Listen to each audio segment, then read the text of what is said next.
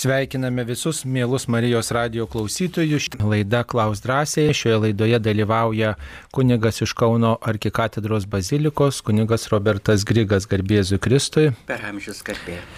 E, taip pat prie mikrofono esu ir aš, kunigas Saulis Bužauskas. Taigi jau gavome keletą žinučių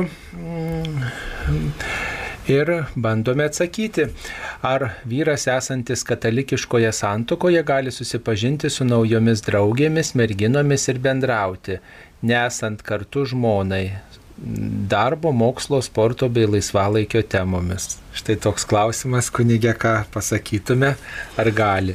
Labai specifinis šeimos klausimas.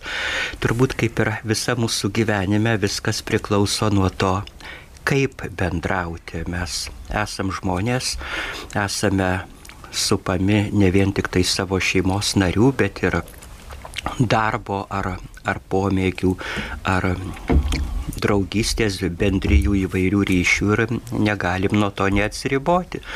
Atsiriboti ne, nebegalime, net ir vienuolijose žmonės bendrauja tarpusavyje, susitinka ar ar apaštalavimo, ar darbo reikalai su aplinkiniais. Tai turbūt e, graž, gražiai, kilniai, praturtinančiai bendrauti galima su visais žmonėmis, yra ir merginomis, ir vaikinais. Tik tai, kadangi mes visi suprantame, šeima sujungta santuoka yra toks ypatingas bendrystės ryšys, tai, na, tas bendravimas turbūt neturėtų būti slepiamas kažkokia paslaptis tenai ar e, e, vyro veikla ir bendrystės. Neturėtų būti slepiama nuo žmonos ar atvirkščiai žmonos. Bendravimas, ryšiai, pomėgiai neturėtų būti kažkokia paslaptis, kai atsiranda tokios paslaptys, kai norime vieni nuo kitų artimiausi žmonės kažką nuslėpti, turbūt jau yra signalas, kad, kad vystosi ne, nepriimtinas santykis ir, ir be abejo šeimos žmonės turi, turi būdėti, kad jisai kaip, kaip čia gražiai pasakė klausiantysis ar darbo ar laisvalaikio ar pomėgių ryšiai neišauktų į tok, tokius intimesnius, kurie turbūt jau galimi tarp, tarp vyro ir žmonos. Tai kaip ir visam turbūt mūsų krikščioniškam gyvenime reikalingas tam tikras sveikas būdėjimas ir, ir malda ir aišku pirmiausia va, toks abipusis atvirumas, pasitikėjimas, nuoširdumas tarp vyro ir žmonos. Ar Saulis dar norėtų ką papildyti? Ne, tai teisingai neapsaugosim e, savo vyro uždrausdami susipažinti, bendrauti, bet yra tam tikros turbūt ribos, kur, kurios, kurios vis dėlto reikia, reikia e, taip jau neperžengti, nes žinoti, kad, ta, reiškia, kalbėtis apie tai su vyru, o vyru žinoti, kad jis yra vedęs, kad jis yra, jo širdis yra priklauso e, žmonai, ar ne, ir tas susipažinimas vis tiek su kitomis moterimis neturi peržengti tam tikrų ribų, vis tiek yra dalykiniai, bendravimo tam tikri dalykai įvairiose srityse ir svarbu turbūt išlaikyti tam tikrą atstumą. Taip, dar viena žinutė. Gal yra žinoma, koks buvo Judo Iskarijoto likimas, klausė Viktorija. Taip, Judas Iskarijotas, apaštalas išdavęs Jėzų žydų vyresnybei ir pagal Evangeliją jis saugojo apaštalų išdą. E, ir Judas tikėjosi, kad Jėzus ves į sukilimą prieš romėnus, o vis dėlto Jėzus pasirodė visai kitoks vadas ir Judas e, pardavė jį priešininkams Jėzaus už 30 sidabrinių. Ir naktį Judas atvedė kareivius į Getsemanės sodą Jėzaus suimti.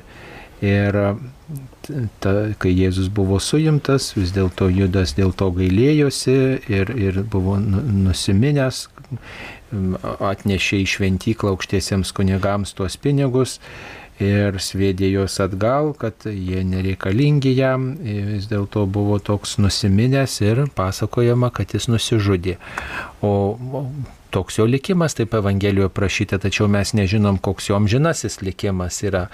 Tas vis tiek tas jo mm, apmaudas tiesiog mm, dėl pasielgimo.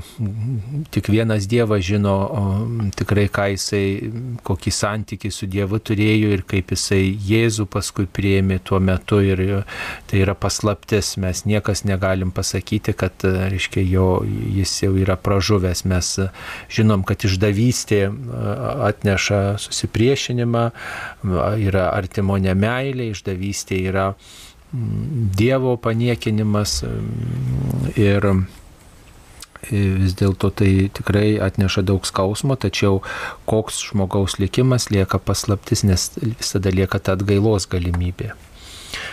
Taip, dar žinutės yra apie, apie prisikėlimą pasakojama, kad po Jėzaus mirties žemė atsikėlė, atsiskleidė, atsivėrė ir visi mirusieji iš kapų prisikėlė. Ar tikrai? Nu, jeigu šventajame rašte taip rašoma, tai vadinasi tikrai? Taip, nes e, šventasis raštas yra Dievo įkvėpta knyga. Kaip ar kasdienės maldos gali apsaugoti maldininką nuo nepagydomų lygų ir nelaimių?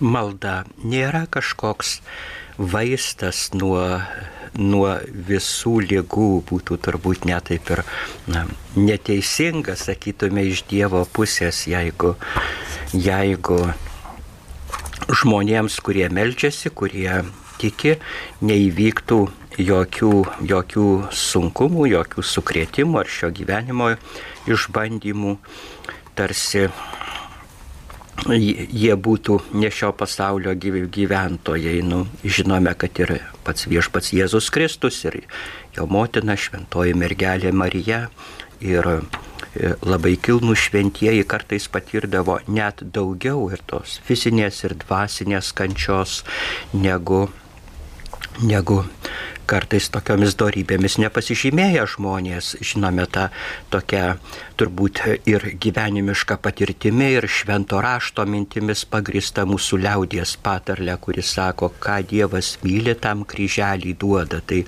turbūt nereiškia, kad Dievas nori kankinti jam ištikimus besimeldžiančių žmonės, bet dažnai tasai kelias į didesnį tobulumą, į mūsų tokį vidinį apsivalymą yra yra palydimas ir, ir įvai, įvairių sunkumų. Tai turbūt turime teisę melstis, prašyti Dievo, kad saugotų ir mūsų dvasinę, ir kūno sveikatą. Ar jeigu, jeigu turime kažkokių e, sveikatos sunkumų, kad viešpats teiktų jėgų, kilnė jo pavyzdžių juos pakelti, ištverti, nepriekaištaujant nei Dievui, nei žmonėms, kiek įstengiame ypač turbūt savo artimiesiems, tėvai vaikams, geradariams, e, savo aplinko žmonėmis turime melstį ir dvasios ir kūno sveikatos. Ir jeigu Dievo meilė ras, kad yra reikalinga mums e, suteikti ar tą lygos palengvinimą, ar padėti išvengti lygos, tai bus suteikta, bet jeigu,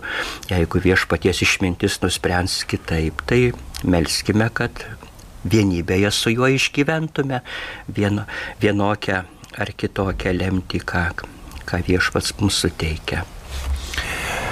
Taip, e, prasidėjo Žemaičių kalvarijos atlaidai, kokios sąlygos norint pelnyti Žemaičių kalvarijos atlaidus. Tai suteikiami visuotiniai atlaidai visiems tiems, kurie, reiškia, dalyvauja šventose mišiose, e, taip pat apeina kalnus tuos po kiekvienų mišių Žemaitijos, e, Žemaičių kalvarijos kalnai yra einami ir ten tikrai yra pagalba su kuo apeiti, yra ir gėdama, ir, ir maršrutas parodomas, net jeigu kažkas niekada nėra buvęs, tai m, tiesiog galima su kitais apeiti ir, ir pajusti tą atlaidų dvasę, tą maldingumo nuotaiką.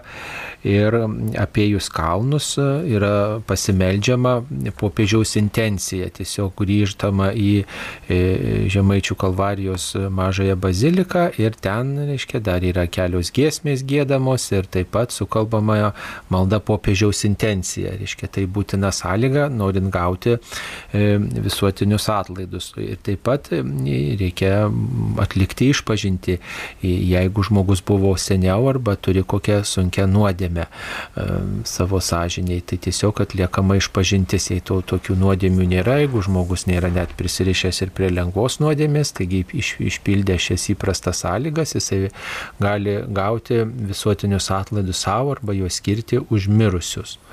Mums paskambino. Danutė iš Molėtų. Taip, Danutė, klauskite. Garbėjai Zukristai. Per amžius.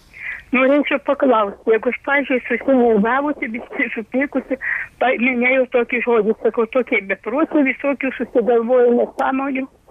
Ir dabar galvoju, nu, tas žodis tai beprotis, tai ne. Ir esame dabar reikia išpažinti, ar nereikia.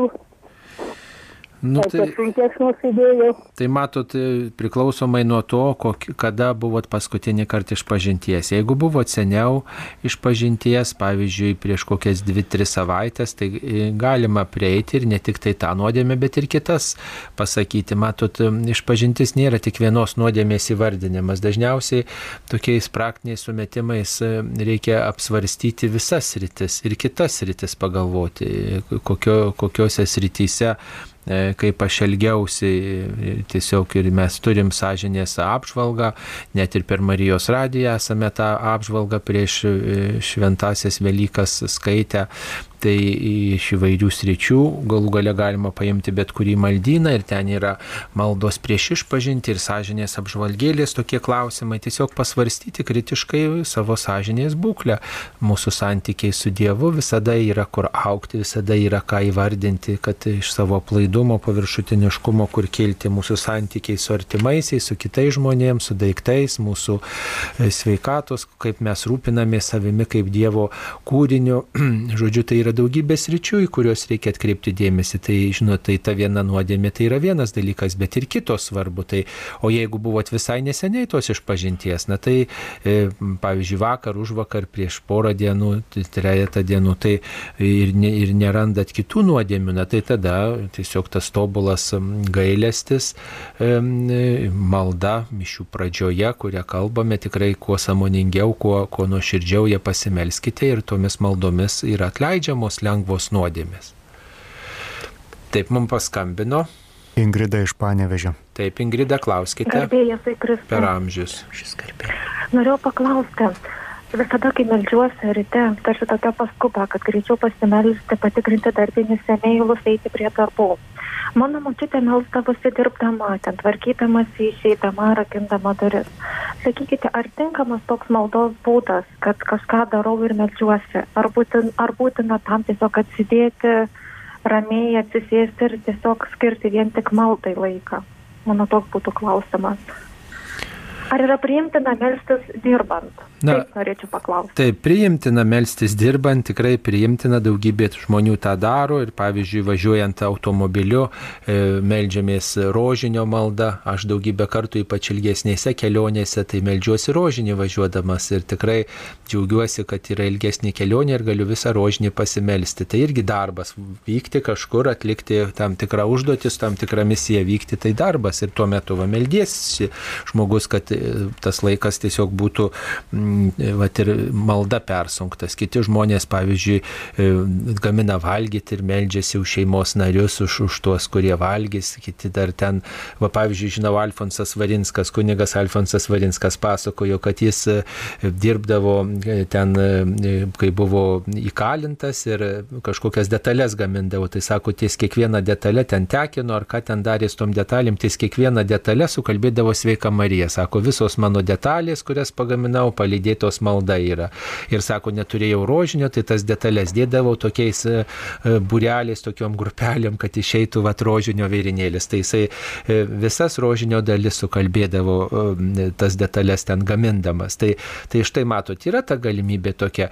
Na, aišku, ryte labai tas laikas tirpsta kažkaip, nes, nes reikia ir tą, ir tą padaryti, ir gal tiesiog ir, ir dar tas žmogus, kol atsibunda, kol įsijudina, žinot, žinot, kol ką, tai irgi dar gal tas turi kažkokios reikšmės, tai, tai kartais labai sunku.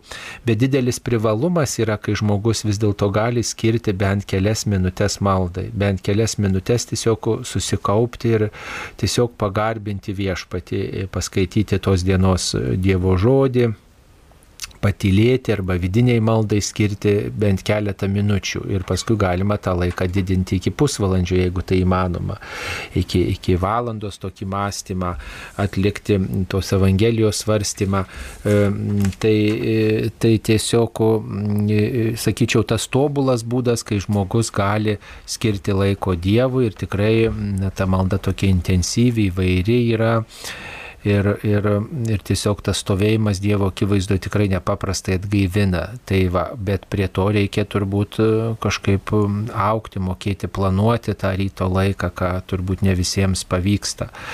Ir bent trumpai skirkit laiko, bent kelias minutės va, tokiai, tokiai tylai, paskaitimui Dievo žodžio ar tiesiog sukalbėkit maldą, kokį gestą atlikdama, tai o tada jeigu ar skubat ar ką ir kitas maldas kalbėsit, na tai matysit skirtumą galų galę savy pajusit, ne, ką reiškia, kai aš susikaupiu, kai aš melžiuosi skirdama tam laiko ir, ką, ir kaip jaučiuosi, kai aš paskubomis tą darau. Kunigė, gal ką dar pridėsite? Visą laiką iš vaikystės mokyklos prisim, prisimena tada buvo turbūt privalomai programoje ta Justino Marcinkievičiaus poema apie mūsų to nelaimingo kaimo pirčiupų sudeginimą, berots vienas kraujas ir pelenai. Ir jis ten aprašo daug tokių kaimiškų vaizdų ir tokia, kad ir sovietmečių prie to ateizmo, bet matęs, kad jam yra įstrigę iš vaikystės labai taip šiltai aprašo močiutę, kuri atsikelia, persižegnoja ir puola į tuos kaimo darbus, tenai užkuria pečių, paruošia vaikams valgyti, apklosto vaikus, atsisėda ant slengščio, pradeda poterius kalbėti, tai prašo, bet jos dėmesį vėl traukia tie kaimo tokie darbai, tai turbūt yra nu, tokia įprasta pamaldaus, paprasto tikinčio žmogaus laikysena, kai jis tarsi negali be maldos ir kartu ta visa kasdienybė būtis jam įprasta įtraukia, bet tarsi susipina, turbūt persipina, va tas jo ryšio su Dievu ieškojimas ir kasdieniai darbai.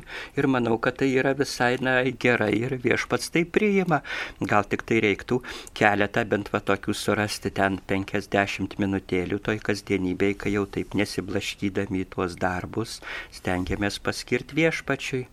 Vienai par kitaip, ar suklupę, ar atsisėdę, ar, ar, ar rankomis galvą parėmę, bet kad būtų ta susikaupimo pastanga, manau, Taip, ačiū Jums. E, dabar dar yra vienas klausimas apie bendravimą šeimoje. Norėjau paklausti, kaip reiktų bendrauti su uošviu, jei jis savo kalboje naudoja daug keiksmažodžių. Ar galiu žmonai pasakyti, kad man tai nepatinka ir nenoriu bendrauti? Štai toks klausimas. Na tai reikėtų gal kalbėti su uošviu, žinote, šiek tiek su uošviu kalbėtis ir tiesiog gal tiesiai šviesiai tą pasakyti, kad ne tai, kad nenorit bendrauti, bet nu, kažkaip pagarbiai tą pasakyti, nutaikius momentą, kad vat, nu, ta, tie žodžiai tokie, kaip jūs jaučiatės, kai kitas keikėsi, tiesiog nekaltinti, bet e, apie savo savijautą kalbėti, pagalvokit, kaip kiti jaučiasi, kai girdi keiksmažodžius, ar tai nu, vat, neskaudina tų žmonių, ar neliūdina tų žmonių, va, ir tas tiesiog gal tas žmogus ar įsilavinęs, ar, ar tiesiog yra gal pavargęs, ar kaip, bet, bet tiesiog gal gerą žodį pasakyti, kad jūs vat, štai tokią patirtį turinti žmogus, tiek visko matęs ir vat, nu, vis tiek toks solidus žmogus, o tokius vat, žodžius vartojat, gal galima kažkaip kitus žodžius vartoti ar kaip pasakyti. Na, va, tai, tai, žinot, ugdyti tą žmogų, aišku, ir žmona, yra ir kiti, jeigu aplinkui visi bus nepakantus tokiai kalbai, tai tikriausiai žmogus gali ir susimastys. Jeigu vienas tenai sako, man aš blogai jaučiuosi, kai jūs keikėtės, tai sakys, čia kvaila moteriškė, ką čia šneka, kaip noriu, taip kalbu. Bet Bet jeigu visi aplinkui sakys, tai žmogus gali ir susimastyti, žinote, ne iš vieno, ne, ne vieno nuomonė, iš vieno žmogaus pasakyta žodis, tai gal iš kito išgirsta žodis, na, vad, belsis į žmogaus širdį. Tai bendrauti tikriausiai reikia, žinot, nes tas atskirimas, sienų statymas, nu jisai na, ne visada duos gražių vaisių. Nežinau, ar tas čia gerai išeitis. Tiesiog nesinori kartais bendrauti, bet tokius diplomatinius santykius tai reikėtų palaikyti, nes nežinot, į ką reiks gyvenime atsiremti. Kai nutrauksit, atsuksit nugarą, žiūrėkit, kad nereikėtų nelaimė ištikus tiesti į tą žmogų rankos ir prašyti padėk man, o aš būsiu išplūdusi ir kam tu čia keikės, man labai baisu bendrauti, nenoriu ir panašiai. Taip, mums paskambino. Regina iš Kauno. Taip, Regina, klauskite, jūs eteryje per amžius. Noriu sužinoti, kodėl nebesigėdit niekada Gedimino numgaudžio iš Pakutuvėnų, kai būdavo laida. Labai buvo, būdavo tokia gera laida. Taip. Ne. Ačiū. Gediminas Numgaudis. Nu, džiugu, kad pasigendate šitų laidų, nu, matot, viskas susiję su, su tokiom techninėm visokiom galimybėm.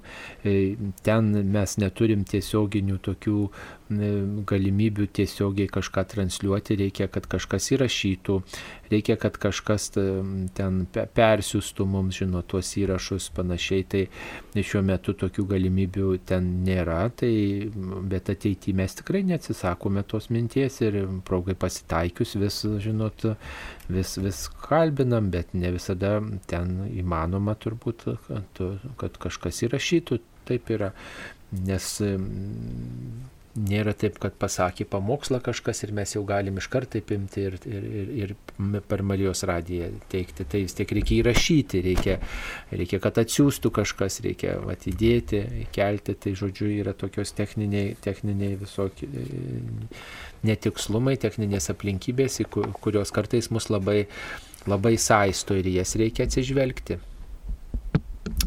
Taip, prasideda Žemaičių kalvarijos atlaidai. Jau prasidėjo, mėlyjeji, e, Liepos 1 vakare prasidėjo, vakar buvo Marijos šeimų karalienės iškilmė ir, ir tiesiog tęsis iki 12 dienos. Taip, o kitą savaitgalį palaimintojo Jurgio Matulaičio atlaidai Marijampolėje. Kokie atlaidai ir kada vyks Kauno arkikatedroje ar kitoje bažnyčioje Kaune.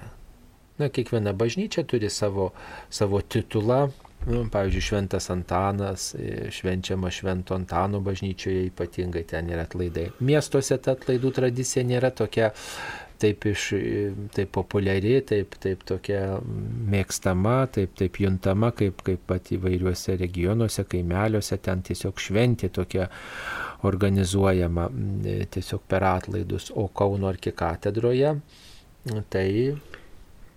Ką tik praėjo, buvo tituliniai šventųjų apaštalų Petro ir Pauliaus Povilo atlaidai, nes tokiu titulu yra Kauno arkikatedra bazilika pašvesta didiesiems apaštalams, taip pat švenčiama Marijo, švenčiami Marijos Sapulinkosios motinos atlaidai Kauno arkikatedroje bazilikoje. Dažniausiai tai kiekviena bažnyčia e, turi savo kaip ir vardą, titulą, šventąjį kuriam yra dedikuota paskirta ir e, to šventojo diena, arba jeigu tikintiesiems yra patogiau susirinkti artimiausias sekmadienis yra minimi kaip tie vardiniai tituliniai bažnyčios atlaidai. Taip, tai visus kviečiame tiesiog domėtis konkrečią bažnyčią ir ten pasidomėti, kokie yra atlaidai toj bažnyčiai.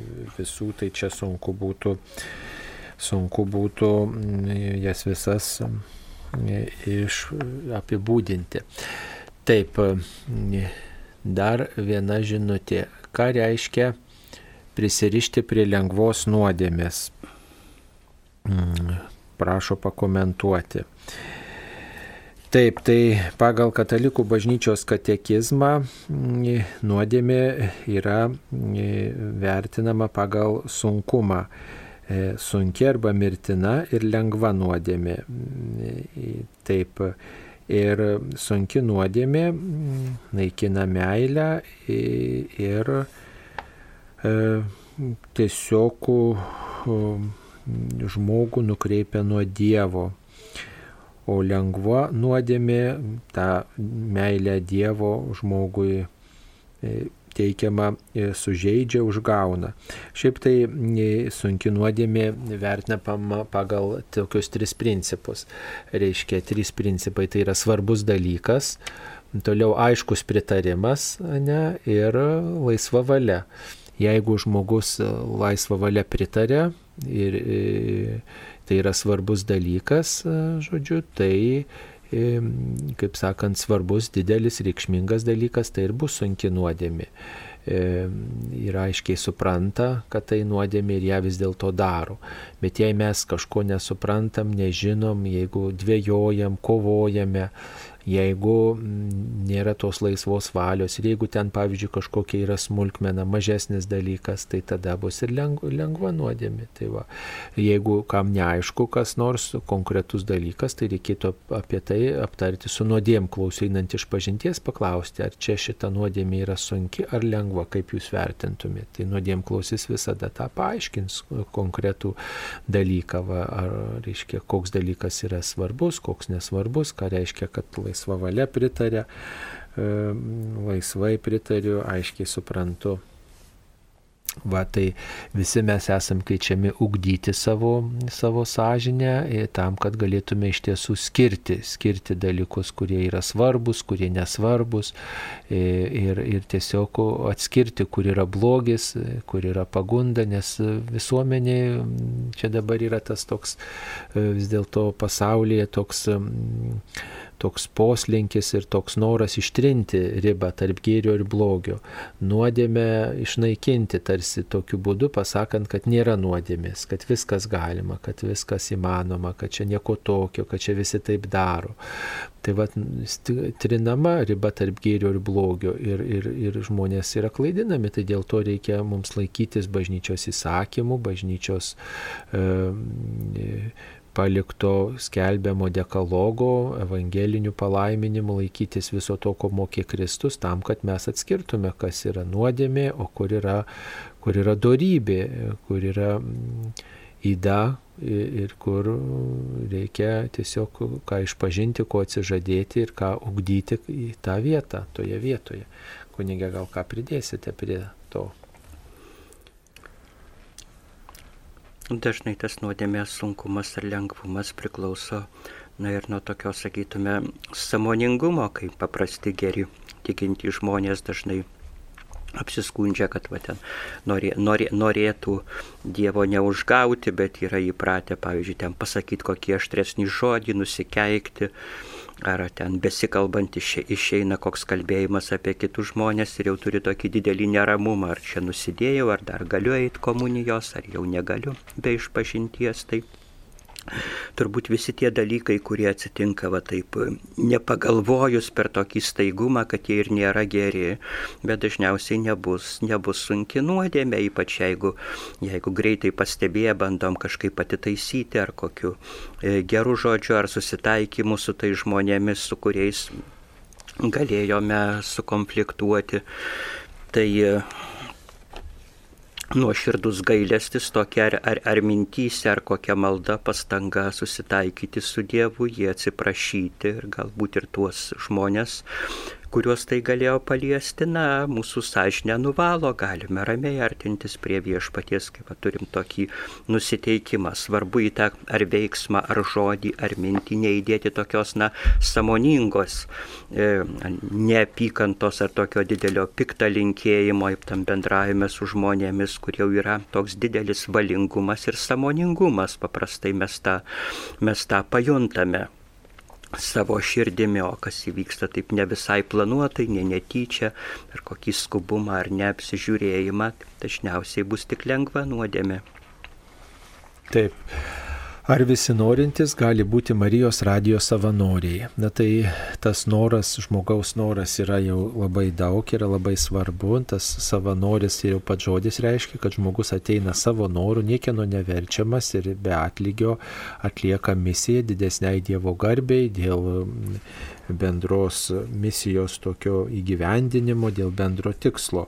Tačiau savanoris vis dėlto, jeigu jis prisima tam tikras funkcijas, jeigu tam tikros funkcijos yra jam priskiriamos, turi vis dėlto gebėti jas atlikti, ar ne? Tai, tai, va, tai, tai visada mes su Marijos radijos savanoriais pasikalbame, sutarėme dėl galimybių, kurios, kuria, kurios įmanomos, kuria, kurias, reiškia, mes turime ir, ir tas galimybės štai mm, skiriame ir jomis pasinaudoja savanoriai, jeigu gali. Jeigu negali, tai tada, nu tai žmogus lieka maldininkas, klausytojas Marijos radijoje, tai yra daugybė tarnyščių Marijos radijoje. Šią progą e, tikrai kviečiame norinčius atsiliepti ir tada mm, e, po, po dialogo, po mūsų bendravimo Čia užpildoma tokia anketa, žodžiu,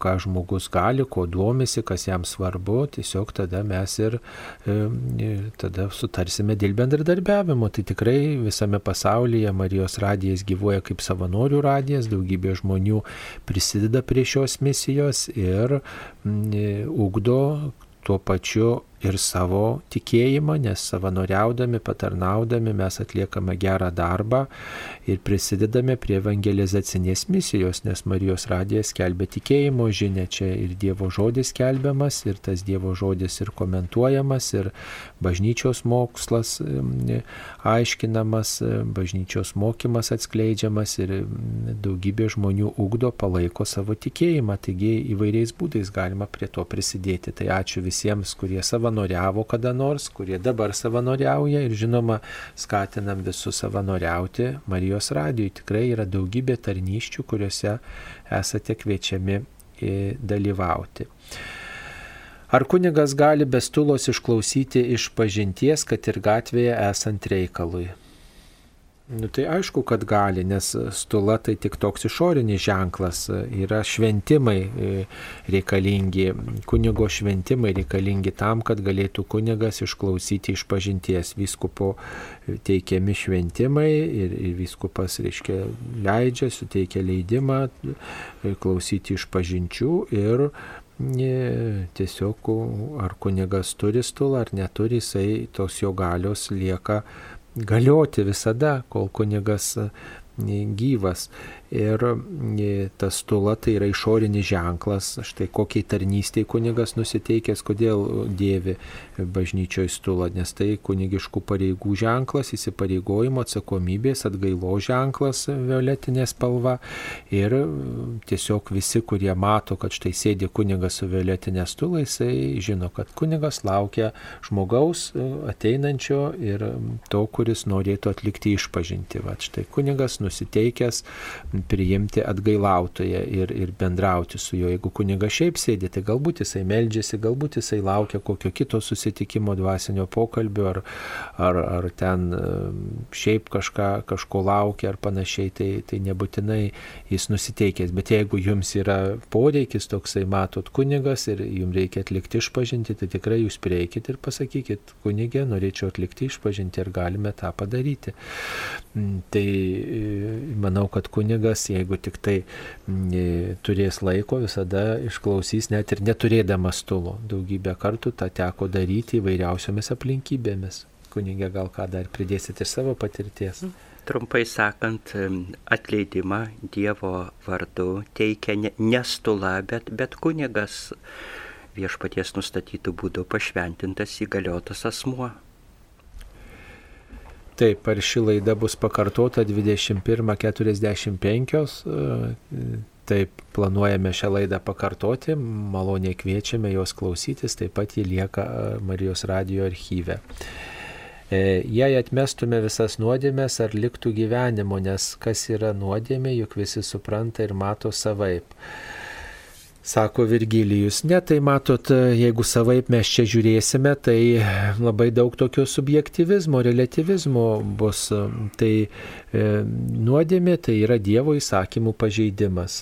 Nuodėmė tai yra tai, kas e, yra prieš Dievo įsakymą padaryta. Ir e, tie Dievo įsakymai labai aiškiai suprantami ir, ir jie tiesiog traktuojami truputėlį plačiau gal negu kad e, taip pažodžiui, pavyzdžiui, nežudyk. Tai nėra tai, kad aš negaliu žudyti kitos mens arba gyvūną be reikalo žudyti, bet taip pat galiu žudyti ir žodžiu kitą žeminti. Reiškia, tas žeminimas žeminimas, niekinimas, visa tai, kas neša mirties kultūrą, kas žmogų verčia liūdėti, kas, kas verčia jį pasijusti skaudžiai, tas ir smurtas irgi yra žudimas, ir, ir psichologinis smurtas yra žudimas tam tikras, kaip mes piktų žodžius vartojam, kaip mes kitą žeminam, ignoruojam, tai irgi yra tam tikras žudimas. Tai čia vat, labai aiškiai yra apibūdinta mūsų tos nuodėmės, visos jos yra e, maldaknygėse galima atrasti, ne, ir, ir yra penkios didžiosios nuodėmės, va, ir jos labai aiškiai surašytos, tai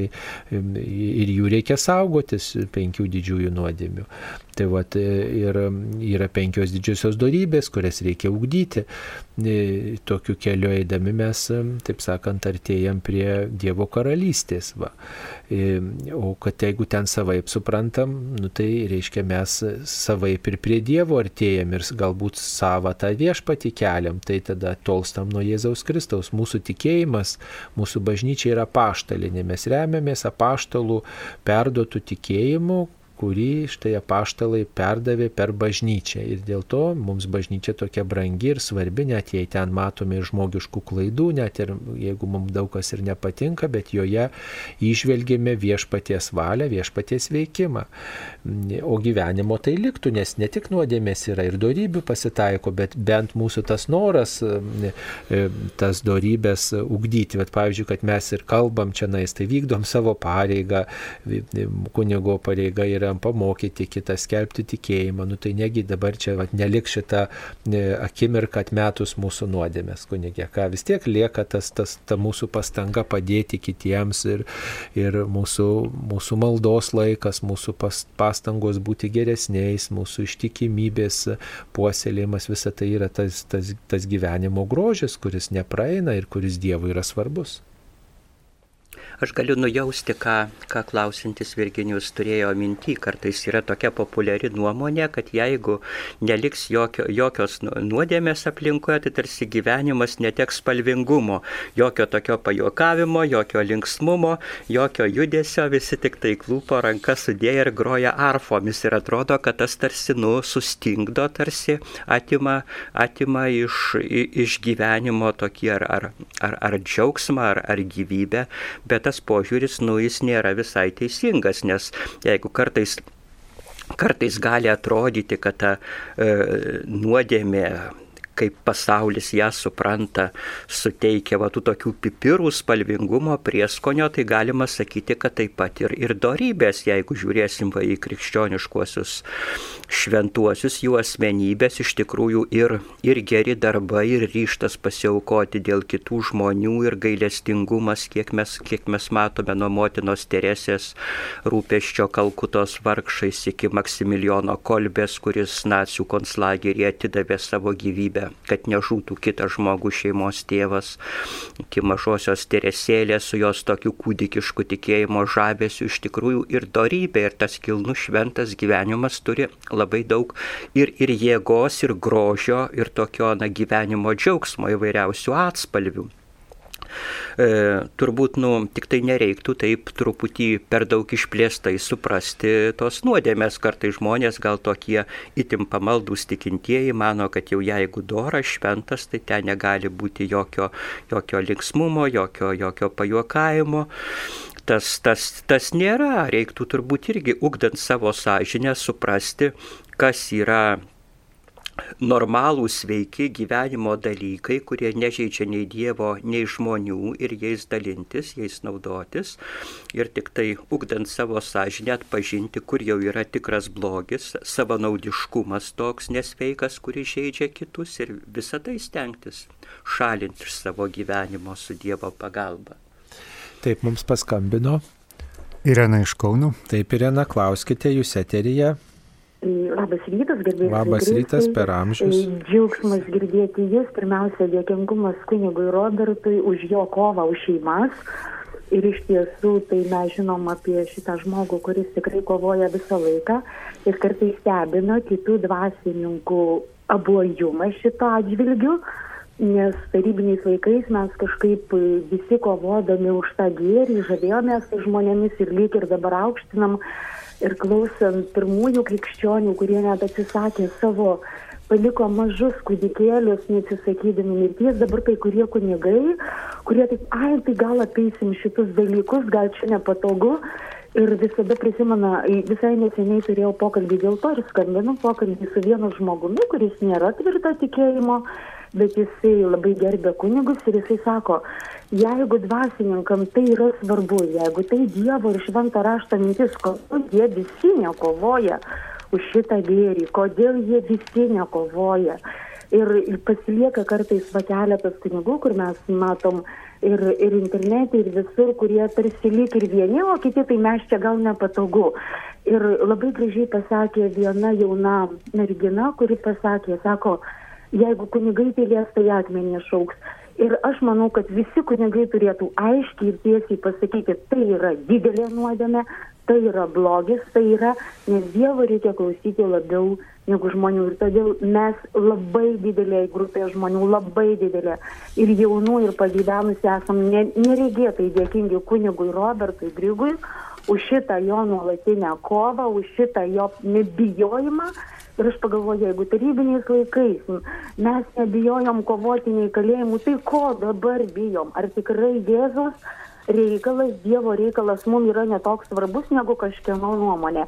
Tai aš tik labai labai norėjau padėkoti ir norėjau prašyti, kad kunigai nesigėdintų savo kunigystės ir nebijotų nešioti kunigiškų ženklų, nes tai labai pakelia juos visuomenės akise. Kartais kunigai nori būti ale modernų, su suplyšusiais net džinsais, ar ten blizelėm vaikščiodami ir bijodami, pavyzdžiui, koloratę užsidėti ar dar kažką. Tai aš manau, kad va tas ir pakelia žmogų ir tas leidžia susimastyti, ypač kada mes melžiamės už pašaukimus.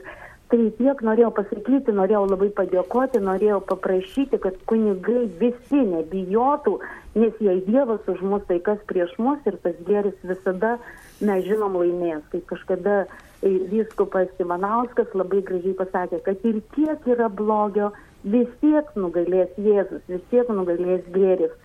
Tai ačiū Jums už visas laidas, ačiū, kad Jūs atsakot, ačiū, kad Mes tikrai klausom ir labai labai ačiū visiems, kurie kovoja už gėrį. Būkit palaiminti, tegul viešpats globojo, mes naudoj visada pasiliekam. Sudė. Sudė, ačiū. Nu tai va, kunigė, ką nu. Gal čia per, per daug, kaip ten vienas profesorius sakė, kas man iš tos laimės ir iš tos garbės.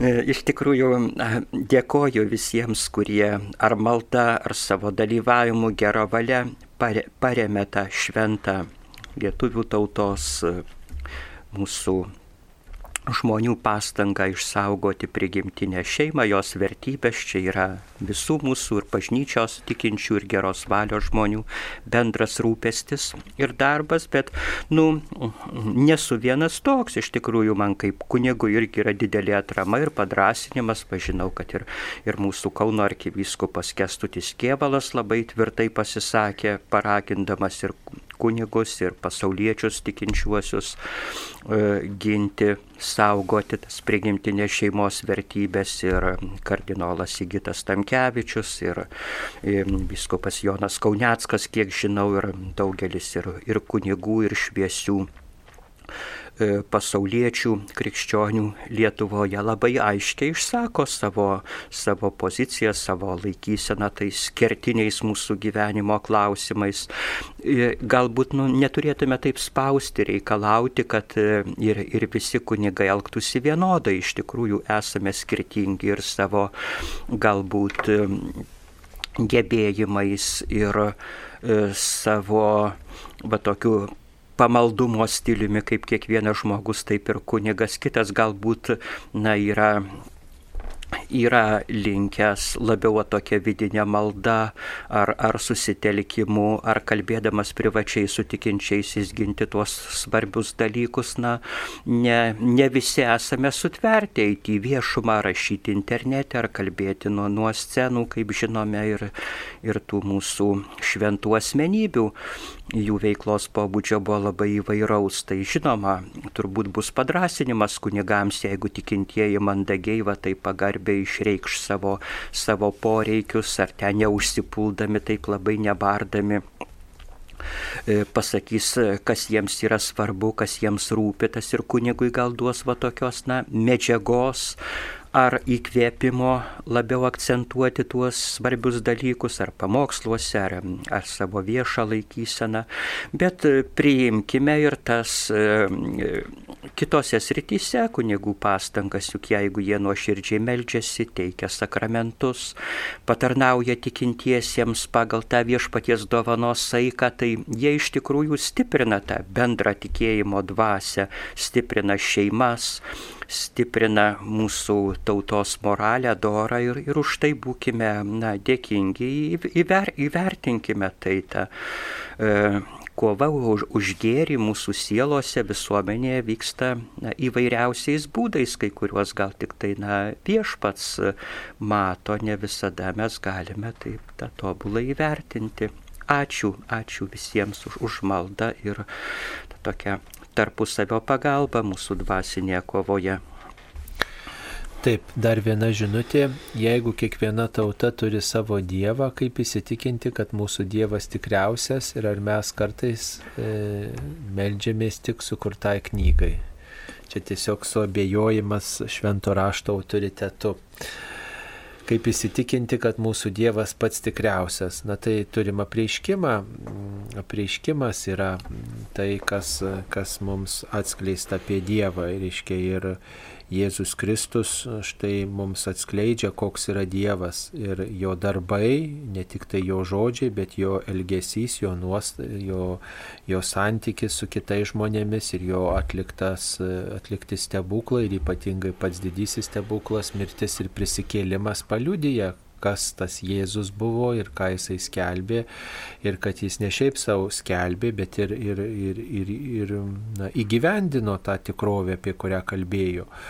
Mm, e, tai ir paliudyja Dievo ir žmogaus artumą. Krikščionė supranta, kad per Jėzaus Kristaus istoriją Dievas arčiausiai prie žmonijos prisilietė, nes joks kitas Dievas neprisėmė žmogiškos prigimties o kad įvairios tautos, įvairių žmonės prie viešpaties artėja įvairiais būdais. Taip, tai, tai yra, bet, bet tas, reiškia, tikėjimas, žinot, yra vis dėlto dovana. Turbūt mes neįrodysim čia jokiais argumentais, kuris Dievas tikriausias, nors šventam rašte E, Senajam testamente skaitome, kad susiginčijus štai faraono akivaizdoj, ne koks šitas jūsų dievas, kur nori jūs išvesti iš Egipto nelaisvės, tikrai buvo atlikta daugybė stebuklų, vis tiek faraono širdis liko sukėtėjusi, kol dievas nedavė tos malonės išleisti egiptiečius, pritarti tam egiptiečių pasiryžimui faraonui.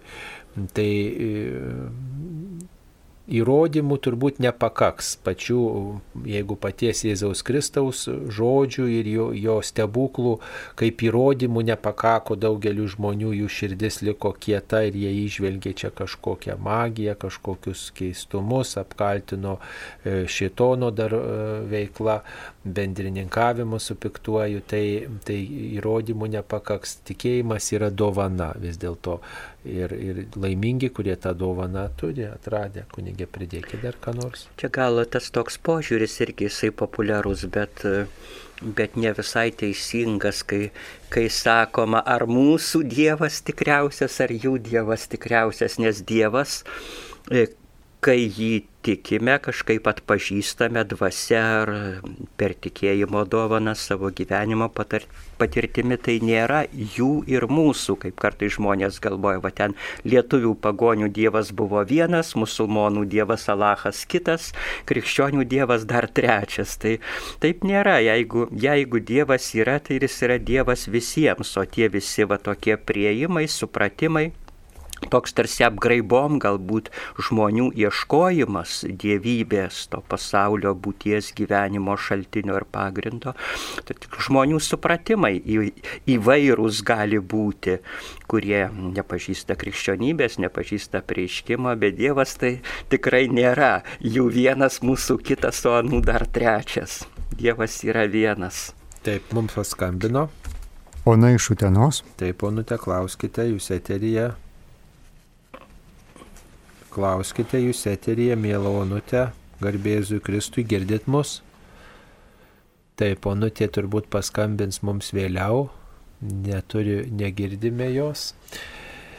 Taip ir tada bandom atsakyti į kitus klausimus apie Eurantijos knygą. Čia labai yra daug parašyta, žodžiu, koks jūsų požiūris į Eurantijos knygą. Na tai krikščioniui tikrai nedėra tokiom knygom, e, reiškia, skaityti. Čia tokia ezoterika yra visą, ką reikia skaityti mūsų išgelbėjimui, išganimui reikalinga, tai galime rasti e, šventajame rašte, katekizme va, ir bažnyčios aprobuotose dvasinėse knygose.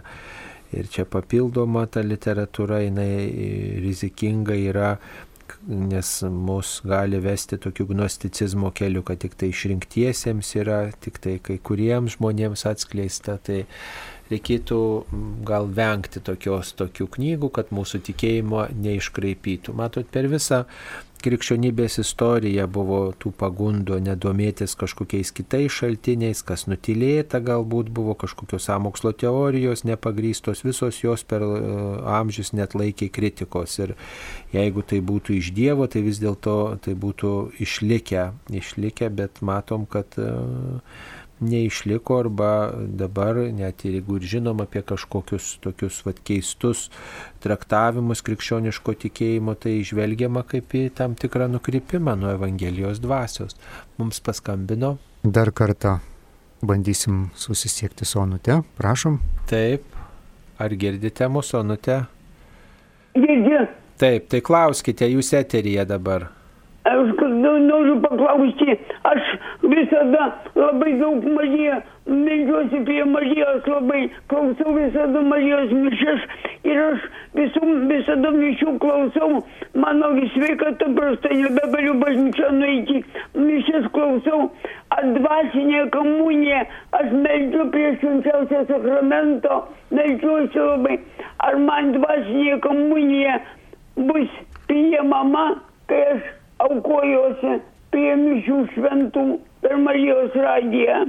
Taip, taip, tai jums ir skirta specialiai jums, kurie, kurie negalite priimti komunijos e, tuo būdu, kai įdalinama bažnyčioje, e, tuo materialiu pavydalu negalima priimti komunijos, tai yra dvasinė komunija, tokia malda yra bažnyčios numatyta ir tikrai skiriama specialiai šitas būdas tiem žmonėms, kurie negali priimti ir vat, lygoje, senatvėje, visokiuose sunkumuose, o net galbūt ir vairuodami automobilį bažnyčiai arba šiaip namuose klausydamiesi šventų mišių, štai gali tokiu būdu vienyti su viešpačiu.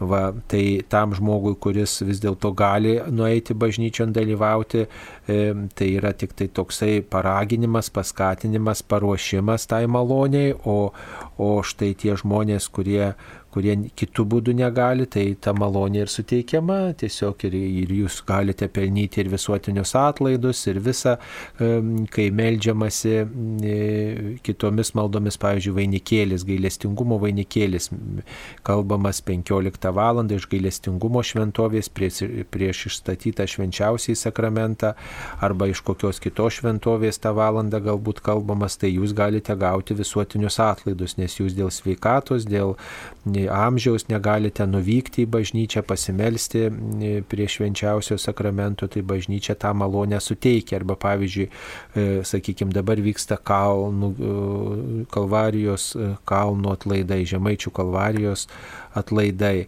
Ir už tų kalnų gėdojimą, meldimąsi, apiejimą suteikiami atlaidai. Tai pavyzdžiui, iš Liepos pirmosios į antrąją naktį būdavo, buvo gėdami kalnai, tai va tas, kas klausėsi tų kalnų, ligoniai, vyresni žmonės, sergantis, prislėgti įvairiausių negandų, negalėdami, net ir norėdami nuvykti į Kalvarijos kalnus, kad ir kitomis dienomis galėjo pelnyti tuos visuotinius atlaidus. Ta malonė tokia suteikiama per Marijos radiją, kad štai atlaidai ateina į jūsų namus, o ypač vyresniems žmonėms tas, tas pagoda, o tie, kurie, reiškia, sveiki, tai tai yra paskatinimas, paruošimas tą, tą malonę priimti nuvykus. Tai yra toks informacijos nešimas. Tai ačiū, kad klausotės ir melžiatės, tikrai ir dvasinė komunija specialiai ta malda skiriama reiškia, jums, jūs klausykitės jos, galite atsiversti maldaknygę, melstis kartu arba tiesiog pakanka klausytis, toj nuotaikoje gyventi ir tikrai viešpaties artumas jūs aplanko. Taip tikime, taip moko bažnyčia. Taip mums paskambino. Elena iš Šilutės. Taip, Elena, klauskite, jūs eteryje. Gerbėjus įkreipti. Per amžius. Va, čia šilutiškiai vakar lankėmės Žemaičių kalvarijos kalnuose su didžiuliu malonumu ir džiaugsmu praėjom tą visą kryžiaus kelią ir grįžtant visi svarstėm, kiek mes kilometrų praėjom. Ir labai labai sužinoti, kiek mes padarome eidami šitą e, kelią. Toks konkretus klausimėlis. Taip, koks toks konkretus klausimėlis. Na, kiek teko girdėti, manau, kad apie 5 km ten yra susidaro tas visas kelias, apie 5 km. E, taip, tai va, tiek ir nueinate, žodžiu, apeidami Kalvarijos kalnus, o jeigu dar pridėsite, kiek vaikščiojate, vaikščiojate po mugę, dar e, daugiau galbūt kažkur pasivaikštote, tai tada ir daugiau bus. Taip, ačiū. Kaip pagelbėti sūnui turint priklausomybę alkoholiui? Labai sunkus klausimas, žinokit, labai sunkus klausimas ir tikrai mes turbūt atsakymų jums ir nepateiksime. Visų pirma, mama tai gali malda gelbėti, melstis, tai visų pirma jums ramybę suteiks ir Dievo, į Dievą e, kreipiamasi tokiu būdu, e, vis dėlto Dievas suras gal būdą, kaip padėti. Šiaip tai reikia vis dėlto prašyti e, šviesos, atsivertimo tam sūnui, kad jis vis dėlto suprastų savo savo problemą, kokią problemą jis turi ir kad norėtų iš jos vaduotis. Kai žmogus pradeda norėti, tai tada galima ieškoti būdo, kaip jam padėti. E, kiek teko girdėti, veiksmingiausios yra tos savitarpio pagalbos grupelės, nors ir ten atkryčių pasitaiko, bet e, kai tie sveikstantis alkoholikai vieni kitus palaiko, reiškia yra tokie anoniminiai alkoholikai, tie susirinkimai tokie, kur ir bendravimas yra, ir ir tam tikras palaikymas, nuolankumo tam tikras ugdymas, pripažinimas, kad turiu problemą vat, šitoj srity. Nes jeigu žmogus nenori, tai žinot, nu kągi, jeigu žmogaus valia šitoj vietoje yra kieta, e, priešiškai nusiteikus prieš tokį keitimąsi prieš gyvenimo būdo keitimą, na tai viešpats tik tai beldžia į to žmogaus širdį. Čia vis dėlto paslaptis yra, kada ta žmogaus valia vis dėlto pasiduoda. Na, pasid, sakoma, pasiduoda tada žmogus, kai supranta, kad jau blogiau nėra kur, kad jau dugnas pasiektas. Tai net ir yra toks, toks žiaurus būdas, sako, nutraukti bet kokią pagalbą tam žmogui tiesiog, kad pajustų tą žmogus dugną, kad jau niekas juo nesirūpina, niekas niekas už jį nieko nedaro ir kad jis yra tokiam dugne, reiškia. Tai vat, ar taip ar taip jau žmogus grimsta į pražūtį, tai jeigu žmogus pajunta dugną, kad nėra kur daugiau pulti, kad visi nuo jo nusigrėžė ir kad tok, tok, toks gyvenimas negali toliau tęstis, kad jis save į kančią stumia toliau ir kitus stumia į kančią, tai tada galbūt žmogus gali praregėti kažka, kažkokiu būdu, ne? Bet Na va, tai reikia daug melstis už jūsų sūnų ir kągi nedaryti už jį ten darbų ir nedangstyti galbūt tos priklausomybės, bet e, kalbėtis su juo, kalbėtis su daugybė žmonių ir įdomu tai, kad, reiškia, mes, kurie gyvenam galbūt tarp tų žmonių, kurie turi priklausomybių taip pat, tada, na, susirgam e, tam tikrą prasme, reiškia, irgi mus tas pažeidžia nepaprastai. Tai reikia pagalbos ne tik tai sūnui, bet ir, ir jums. Va, ir yra tas ala, alanonas, taip vadinasi, artimųjų. Alkoholikų artimųjų, tokia taip, tarpusavio pagalbos grupė. Taip, bendruomenė tokia, kurie ten, vienu žodžiu, tie artimieji, kurie turi savo šeimoje alkoholikus, jie jie vat, vienas kitam pagalbą teikia, padrasina vat, ir, ir, ir mokosi, kaip gyventi su tokiu žmogumi ir kaip tą žmogų kelti. Tai vat, domėtis reikia, jeigu galbūt jūsų parapijoje yra, galbūt jūsų klebonas, jūsų parapijos daugiau galėtų pasakyti apie tą Alanoną, galbūt nukreipti. Jeigu klebonas nieko nežinos, tai galbūt yra jūsų viskupijoje, karitos daugiau paprastai apie tai žino, jūsų dekanato gal centre yra karitas, kur galima tikrai kreiptis ir ten ir tokios pagalbos sulaukti. Kita vertus yra toks judėjimas motinos maldoje, kur tikrai motinos meldžiasi už savo vaikus ir dažnai tos motinos įvardina daugybę savo vaikų problemų, daugybę iššūkių. Tai vat, svarbu nelikti turbūt vienam žmogui šalia vat, tokio žmogaus, kuris, reiškia, grimsta į alkoholizmą. Tuomet ta vienatvė yra tikrai skaudi, sunki, o remtis į kitus žmonės bent šiek tiek, kad būtų šiek lengviau ištverti tą to, tokią tą artimo žmogaus priklausomybę. Va. Tai mm, e, šiaip yra įvairios bendruomenės, kur padeda tiem žmonėms kapstytis iš alkoholizmo, bet jie patys turi norėti į tas bendruomenės vykti, sutikti turi, ne, pripažinti, kad turiu problemą, tada pagalba galima. Mums paskambino. Ona iš Venčionėlių. Taip, ponute, klauskite. Gerbėjai Kristui. Per amžius.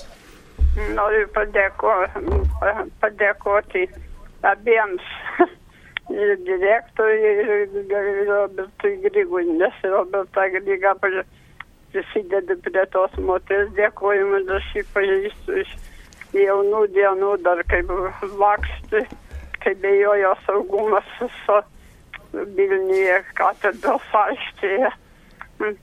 Su Julius Osnausku bėgiojo. Nu, nuo šitų dienų prisimenu, aš jį labai gerbiu, kad ne, nebijojo tarybiniais laikais nepriimti į priesėkos, galėjo įsikliūti Afganistane.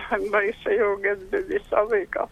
O jums direktoriui dėkoju, kad paklausėte gerbimas jūsų savanorės Janinos, kuri paprašiau, kad nepatinka ta gesmė birželio mėnesį, kur gėdojo visą mėnesį, neprisijošiau ir ne, negalėdavau prisiskambinti. Gėdojo kažkokią Jėzaus širdį, kur pagirdo ir kitus prigirdo, tik aš girdį suprasdavau. Tai ja, tokių gesmių gražių buvo ir apie Jėzaus širdį. Ir kaip Janinai pasakiau, kad sakau, man nepatinka, nueinu kas vakarą susierzinusi, nes tada einu 8 valandą vėl klausyti ir Jozapo maldos, Jozapo giesmė labai graži. Tai ateinu, bet paklausė ir pradėjau gėdoti paskutinę savaitę jau gražias giesmės apie Jėzaus širdį ir iš viso iš jo žemelės ir tėvė žydžiai taip, kur, kaip visos bažnyčios gėda. Tai labai dėkoju už tą, kad paklausėte. Taip, ačiū, ačiū. Ačiū už jūsų mintis, būkite palaiminta, viešpats te globoja jūs. Taip, dar viena žinutė. Tikėjimas yra dovana. Mano mama yra netikinti, niekada neėjau į bažnyčią, bet aš melžiuosi už ją, meldžiu jai atsivertimo, bet įtikėjimo dovanos neturi. Nu tai gerai, kad jūs melžiatės. Čia reikia žinoti kantrybės, didelės kantrybės ir e, ir išminties tiesiog. Dievas turi laiko, svarbu, kad mūsų pavyzdys, artimo meilė, krikščioniškas pavyzdys būtų pagarbus ir mes tiesiog būtume šalia to žmogaus ir, ir maldą lydėtume ir patys gyventume kuo pavyzdingesnį krikščionišką gyvenimą ar pro Kauno arkikatedros praeinančių Vilniaus ir Valančiaus gatvių atkarpos prilyginamo šventoriui. Na, gatvė neprilyginama šventoriui, tai yra gatvė prie šventoriaus. Net kažkada buvo prie tos gatvės šventoriaus tvora. E, senais laikais dabar jau nebėra. E, taip, kaip dažnai reikėtų eiti iš pažinties, jei nėra sunkios nuodėmės, kaip išlaikyti jautrę sąžinę, klausė Rita. Na, tai dažnai išpažintis padeda išlaikyti jautrę sąžinę, o kaip dažnai reikėtų eiti išpažinties, na, šiaip kartą į mėnesį reikėtų, jeigu net ir sunkios nuodėmės neturi, tai yra tokios pamaldumo išpažintis, ar ne?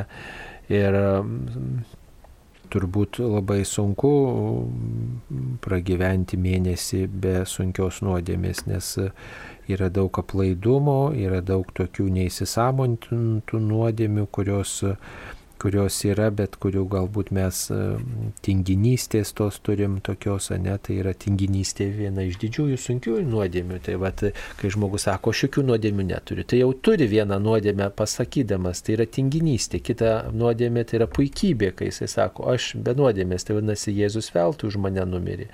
Tai reiškia tinginystė, tai yra ta nuodėmė, kai aš neugdau savo dvasinio gyvenimo, net lieku sąžinės apžvalgos, net lieku sąžinės tyrimo, nesvarstau savo santykių. Visada yra kur aukti meilėje, visada yra. Šventieji ir tie turėjo nuodėmių daugybę. Tai kai žmogus sako, neturiu sunkių nuodėmių, nu, truputį įtarimas. Įtarimas, kad žmogus neanalizuoja savo sąžinės, neugdo.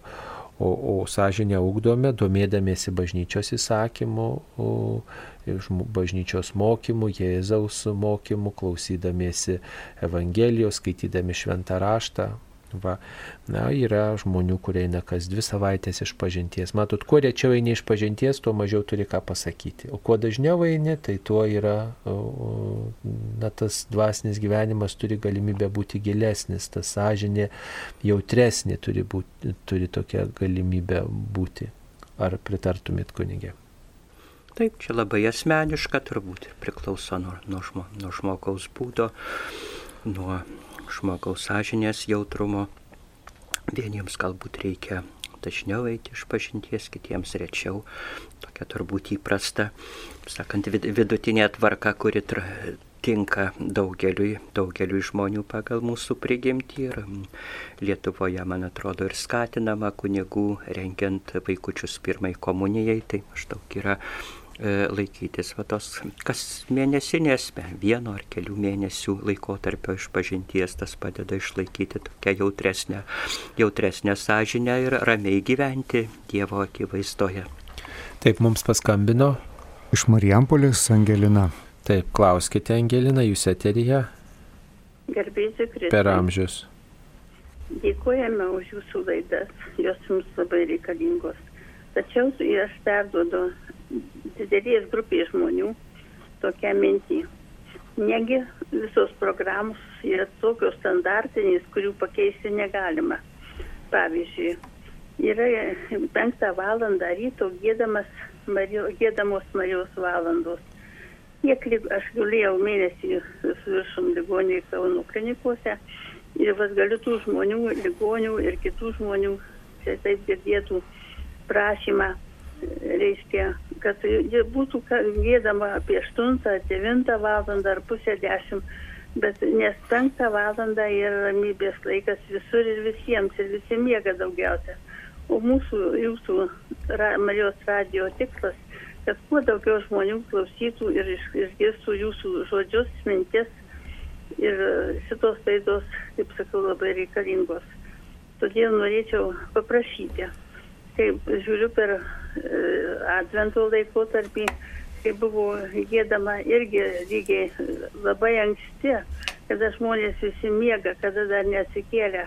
O kodėl nepa, ne, ne, nepritaikyti taip, kad kuo daugiau žmonių girdėtų, juk tam tai Marijos radijas yra. Viskas. Ačiū Jums.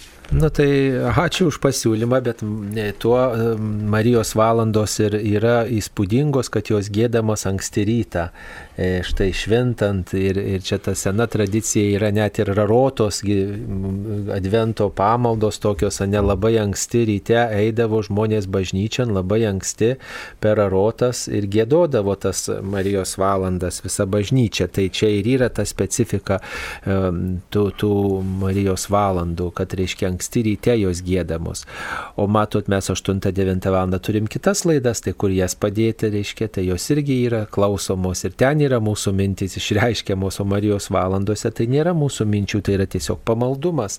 Jas galima patiems gėdoti tada, kada jums atrodo tinkama. Aišku, e, suprantame, kad yra klausomesnis laikas, kuriuo visi norėtų, kad jų mėgstamos laidos ar dar kažkas būtų. Tačiau, e, na, tačiau nelabai negalime šitą jūsų prašymą įgyvendinti, nes tuo metu yra kitos laidos, tada reiškia, reikia tas kitas laidas, pavyzdžiui, aktualijų laidą, katechezės laidą dėti į penktą valandą, o kas tada klausysis, ne? Tai čia vėl, kaip sakant, lasda iš kitos e, pusės, tai nežinau.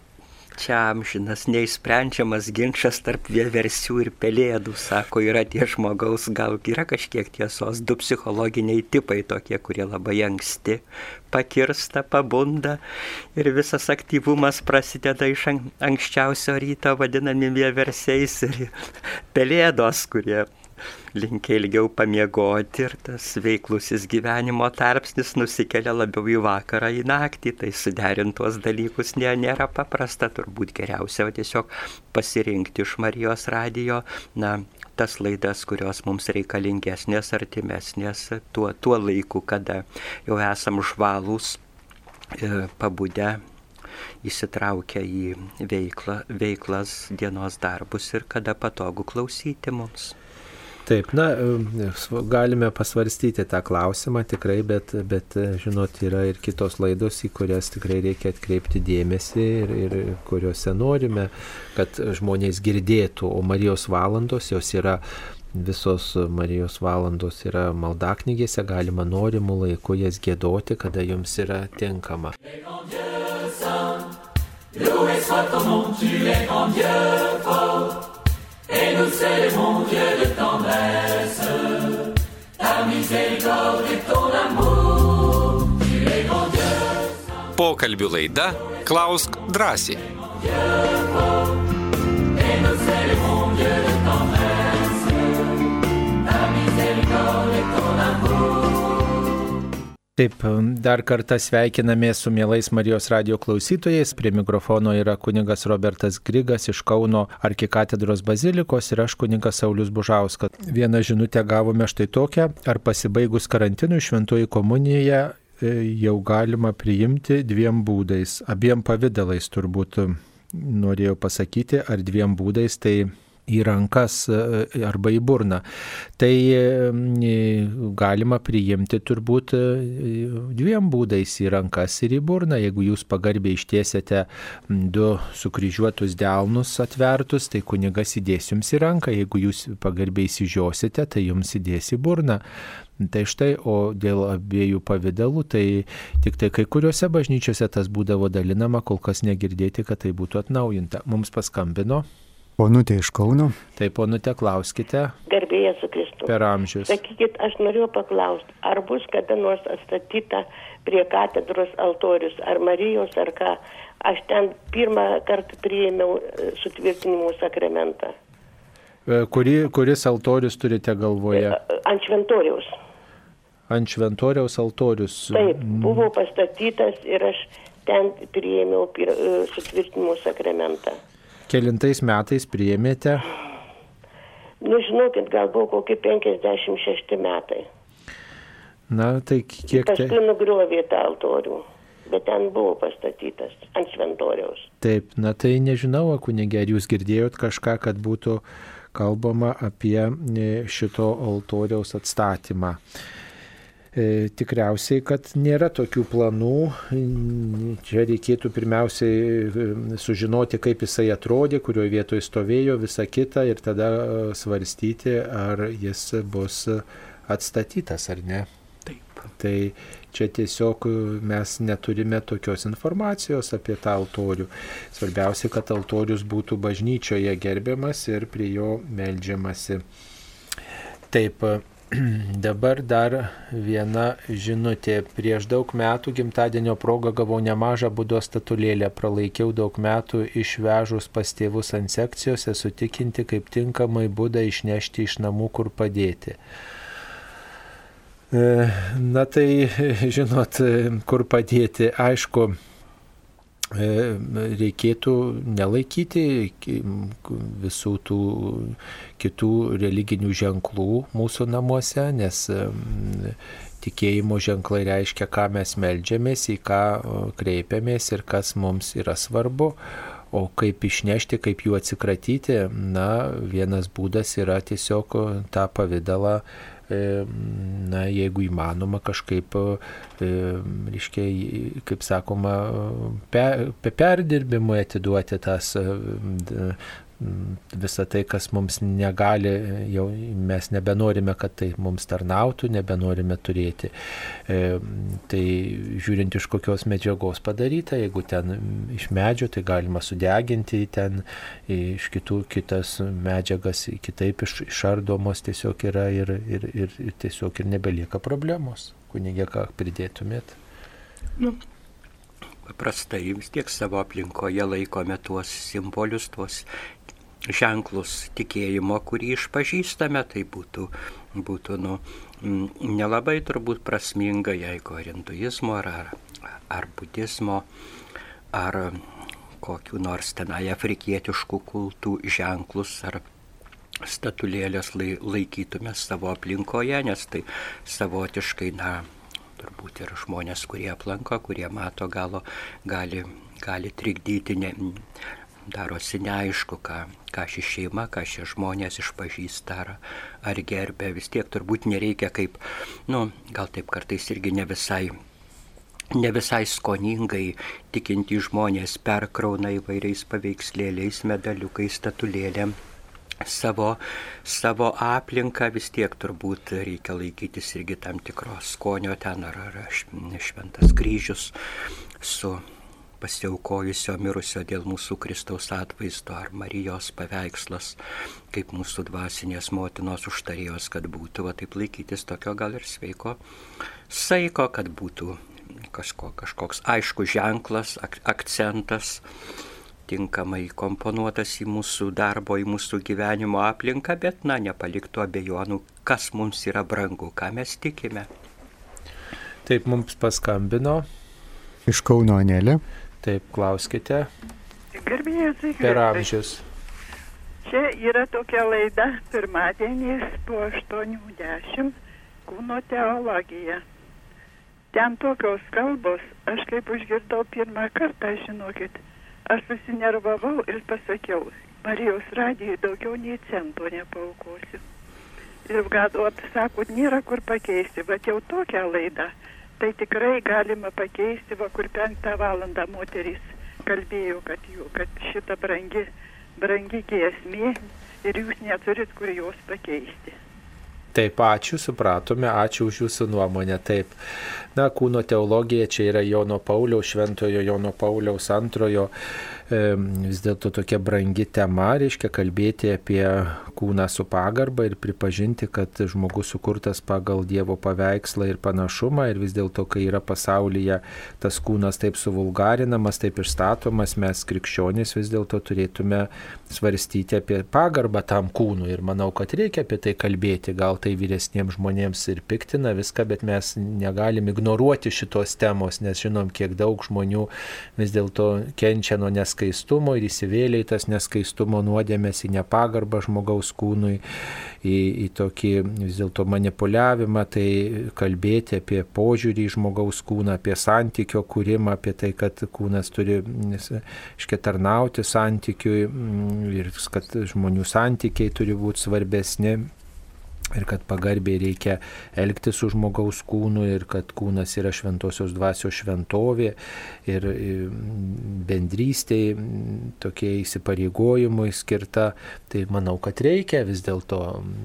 Na, kitam sezonė šitos laidos tikriausiai jau nebebus, tai jau nebebus, kas jūs piktintų, tikrai atsiprašome, jeigu papiktino jūs vis dėlto, bet matote, kas vyresnį žmogų piktinat, bet jaunesniam tas yra svarbu ir nebus kitose radijose, kitose mm, stotyse vis dėlto tokių temų apie kūno teologiją, o mums vis dėlto tas klausimas yra svarbu. O jeigu įdėtume vakare maldas, tai sakytų, va, čia vėl netinka, vėl kitų laikų reikia. Taip mums paskambino. E, Zita iš, iš Utenos. Taip, Zita, klauskite. Aš noriu sužinoti, jeigu pavyzdžiui, aš gavau dovanų šventą paveikslą ir man pasitaikė tokia proga labai e, geram žmogui reikia dovanoti, neturiu galimybės kitą nupirkti ir aš galiu e, savo šitą gautą paveikslą dovanoti kitam. Taip galite, aišku, paveikslą dovanoti kitam, nebent ten yra kažkoks specialus užrašas jums skirtas, viską, e, nu, daiktai, kurie mums skirti, mums atiduoti, na, tai mes elgiamės su jais taip, kaip mums atrodo tinkama.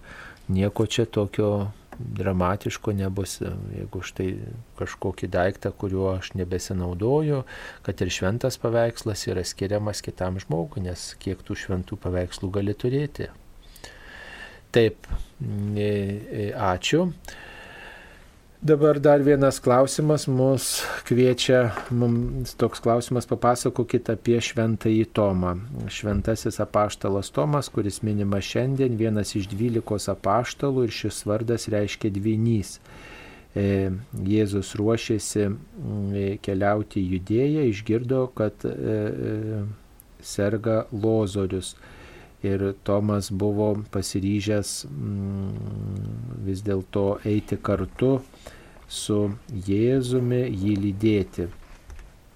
Ir mm, e, Tomas klausė Jėzų įvairiausių dalykų ir Jėzus pasakė Tomo klausiamas tuos garsiuosius žodžius, aš esu kelias tiesa ir gyvenimas. E, Tomas vadinamas taip pat tokiu neviernu tamošiumi liaudyje, tuo, kuris nepasitikėjo, kad Jėzus prisikėlė, nepriėmė to žinios taip lengvai.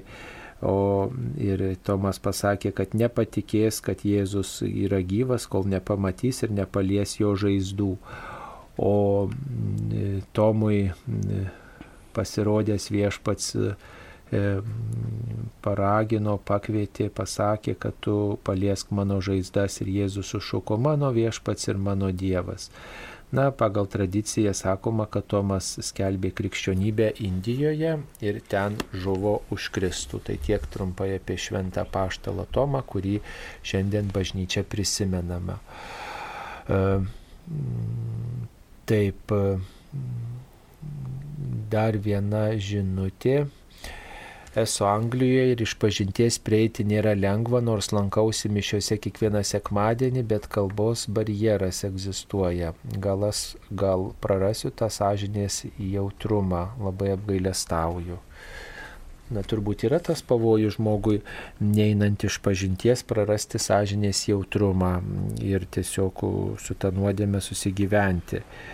Mm, tai mm, taip, tai na, tokiais atvejais, kai nėra kaip atlikti išpažinti, galima vis dėlto bandyti tokiu dvasiniu būdu atgailauti, vis tiek atlikti kiekvieną dieną tą sąžinės apžvalgą.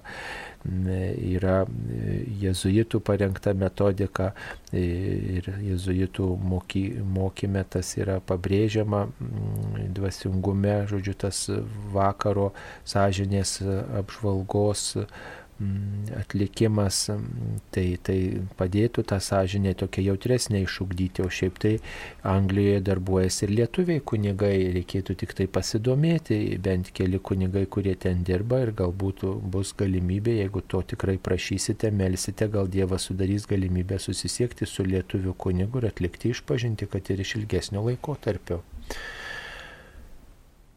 Taip. E, čia dar klausia, kad kaip tik žmogus pastebi, kad e, penktą valandą e, tinka, reikia, reikia anksti eiti gulti ir tada galima keltis penktą valandą ir klausytis Marijos radijo atliekamų gesmių ir Marijos valandų. Na, sveiki, turiu iš Afrikos atsivežtus suvenyrus ir kaukės. Tai maždaug klausimas, kur juos dėti. E, nesusijęti suvenyrai su religija, tai ar tikslinga išmesti. Nereikėtų tokių dalykų laikyti namuose, reikėtų vis dėlto tai tos reli, su reli, kitomis religijomis, ypač su stabų tuo garbinimu susijusiomis mm, e, reiškia, susijusiais kultais, juos tiesiog sunaikinti, sudeginti geriausiai, reiškia, ir nelaikyti savo namuose. Matot, jeigu žmogus, kad ir jam tai yra tik suvenyrai, nesusėti su religija, bet žmogus, pavyzdžiui, neturi kažkokios tokios stipresnės religinės praktikos, tai jo tas dvasinis gyvenimas lieka apleis, toks aplaidus, apleistas ir tų stabų buvimas jis nėra vis dėlto toks jau nereikšmingas, nesvarbu, kad mes tam neteikiam ir prasmės didesnės. Tai įsileidimas vis dėlto į mūsų gyvenimą tam tikrų praktikų. Man tai gražu, man tai e, labai harmoninga, man tai dar kažkas. Vis tiek mes turim save ginti, į, į, į savo dvasinį gyvenimą ginti įvairiais būdais ir neįsileisti net ir tų ženklų, kurie atrodo gražus, primena gerus įspūdžius, keliones, e, neįsileisti į savo gyvenimą, nes piktasis jisai gali visokiais būdais vis dėlto prie mūsų durų būdėti ir, ir nežinom, iš kur ateis piktojo atakos. Tai stabų buvimas mūsų namuose net kaip ir suvenyrų, jisai net ir net jeigu ir neteikėm jiems e, rimtos reikšmės arba labai žaismingai tai žiūrime, jis nėra bereikšmis. Mes tam tikrų būdų atsiveriam tai stabų tikroviai, kaip grožiui, kaip kultūrai, kaip harmonijai, kaip, kaip kelionės įspūdžiams ir, ir tokiu būdu leidžiam kažkokiu būdu piktajam mūsų gyvenime veikti. Jeigu netikite šitoj argumentu, tai galite paklausti bet kurio egzorcisto ir bet kuris jums egzorcistas pasakys, kad tokių dalykų namuose laikyti krikščioniui nevalia, netinka, nes tai žmogui nestiprina krikščioniško tikėjimo ir neteikia jokios dvasinės naudos. Kunigė, ar pritartumėt? Taip, tai yra tikrųjų toksai abejo, abejotinas ir pavojingas dalykas. Simboliai turi reikšmę mūsų gyvenime vienai par kitaip. Mūsų pačius sukto kreipia, primena mums svarbius dalykus. Mm, taip, dar viena žinutė, ar krikšto mama gali būti sutvirtinimo krikšto mama. Mm, taip, tai jinai gali būti ir taip dažniausiai būna ir taip dažniausiai turėtų būti, kad štai krikšto tėvai yra ir sutvirtinimo globėjai. Tai tokia tradicija yra ir ji palaikytina, nes krikšto tėvai prisima tokį įsipareigojimą būti dvasinio autoritetu, lydėti va tą vaikelį, o sutvirtinimo metu, tai ta tokia misija tarsi atnaujinima ir, ir tesiama žmogaus gyvenime.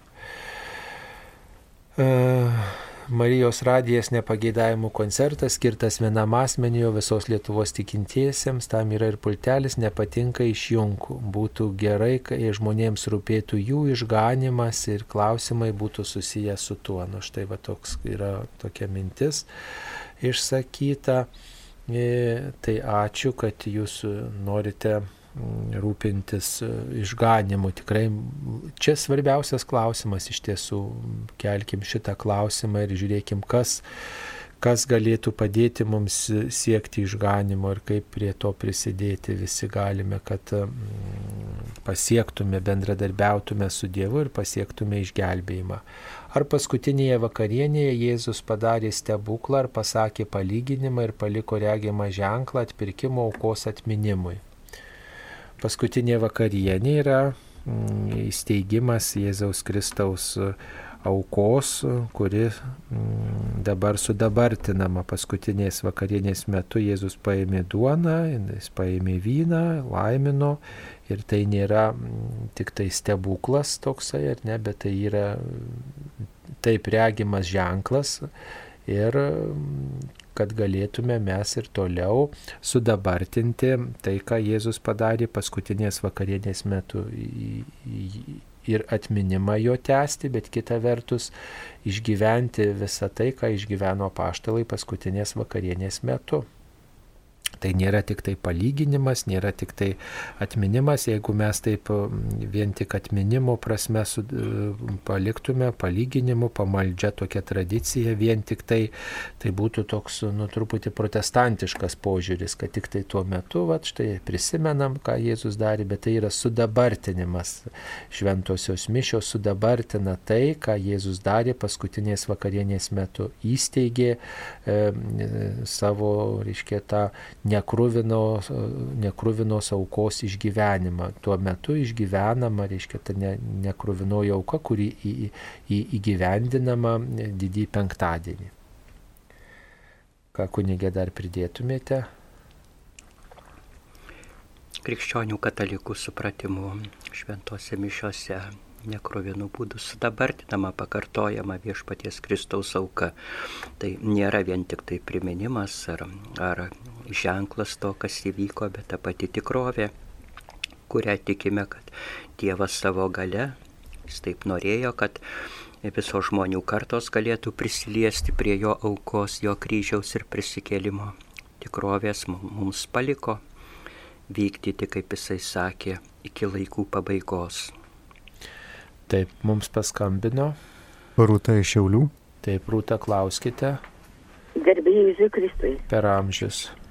Pirmiausia, noriu jūs, mėlyjei, pasveikinti su gražiaja vasarėlė, su gražiausiais vasaros žiedais, su gražiausiu paukštelio čiulbesiais, kad kiekvieną dieną jis liūdėtų čiulbečių, čiulbantis paukšteliai, taip pat gražiausias vasaro gėlės, kad jos pražystų jūsų širdise ir žydėtų ilgai, ilgai visą jūsų gražų gyvenimą.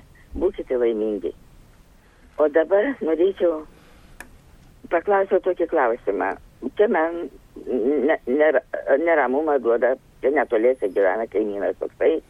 Kai žmogus miršta, jisai, reiškia, sako, tuoj pat ateina mirusi siela ir vaikus va tokius intriguoja jisai, šaukit, šaukit, šaukit, šaukit. Ir man tai viena, kad labai buvo nepatogu, kada jisai nemyli gyvosios gamtos, jis gyvūnų nemyli, jis nemyli paukštelių, jis nieko nemyli, jis yra ir Dievo jis netiki. Todėl, kada išgirdau, kad, reiškia, kai man, mano tėvelis tenai jau nebėra. Ir, ir šitą, ir jis šunelius turėjo, nužudė jis. Jie sako, dabar reksiuko tau kauliukus atnešim ir tavo tėvus prikviesim. Šitai verkiau visą naktį. Vieną, kad aš jau klausiau čia, na ir daugiau vaikus vėl pripratina jisai, kad tik matot, einat kas prakeikta, būk prakeikta, būk prakeikta. Jis tuos vaikus veda iš kelio. Tu juk tas prakeiksmas tai yra, nėra gerai, aš taip skaitau.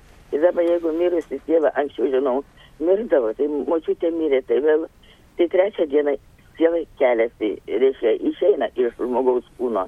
Ir man neaišku yra, tai kur jinai tada keliauja ta siela. Ar jinai vėl grįžta į kūną. Nes mes visada laikydavom mirusį žmogų, reiškia, tre, dvi dienas ir trečią dieną laidojom. Todėl ačiū Jums, rengėjai, už viską.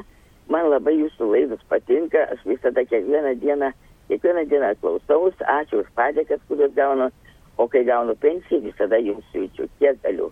Ačiū labai.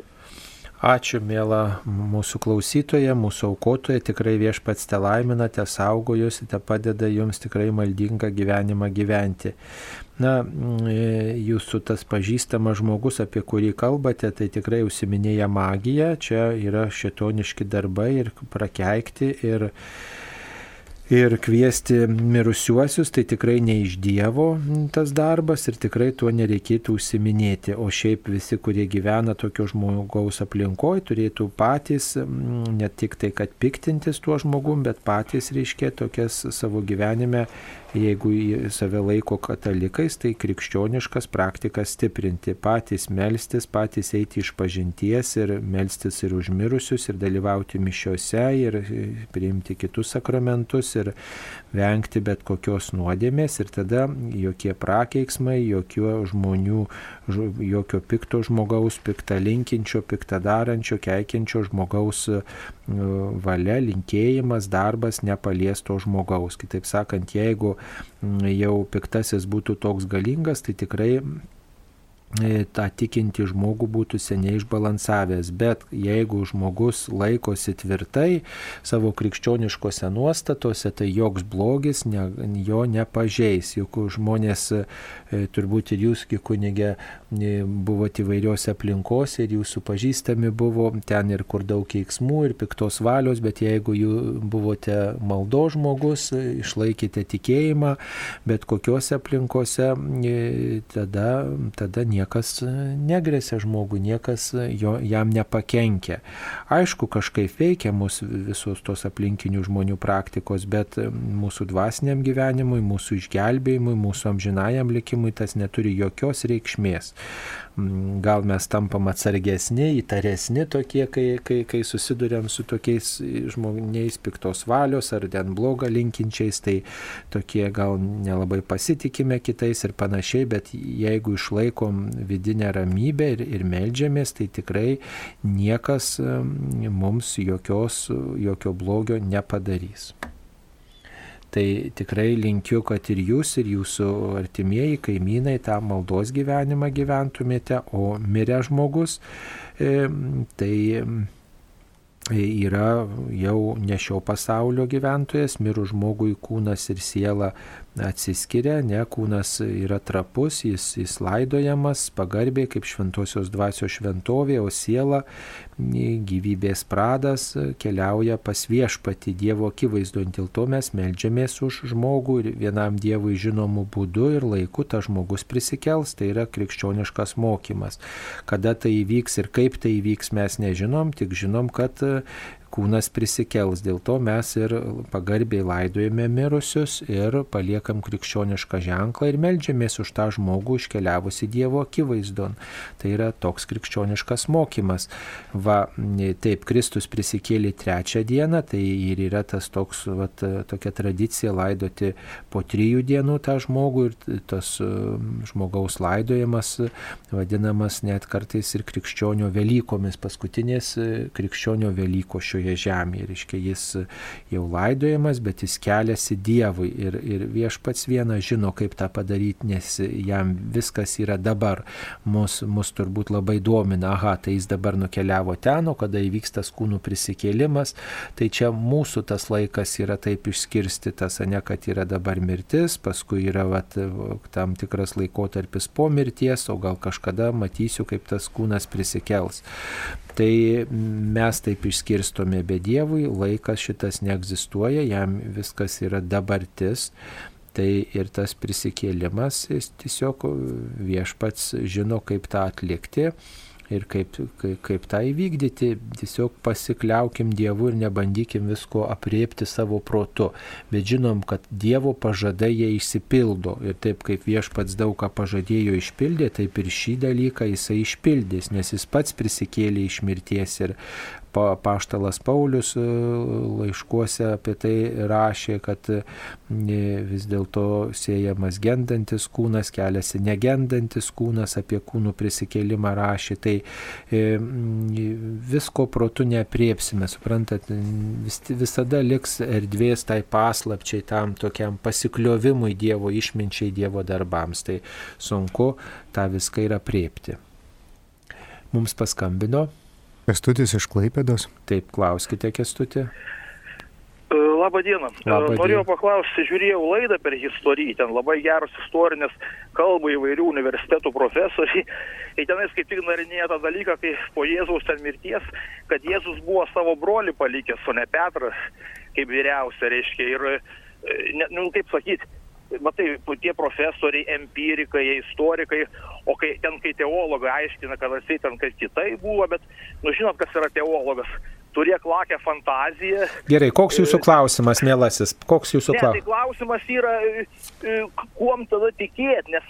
Ar... Tikėkit šventuo raštu, mielasis, jeigu jūs klausotės Marijos radijoje, jeigu jūs melžiatės, tai mes remiamės šventų raštu, katekizmu, jeigu jūs žiūrite laidas, kurios ten interpretuoja įvairius, pateikia kit, kitokias ten išvalgas, tai, tai štai jūs ir renkatės, kuo jums tikėti. Mes tikime Bibliją, tikime šventų raštu, tikime bažnyčios mokymu ir tas, kas bažnyčios mokyme yra paskelbta, mes tą tikimės, tą renkamės kaip mūsų tikėjimo pagrindą.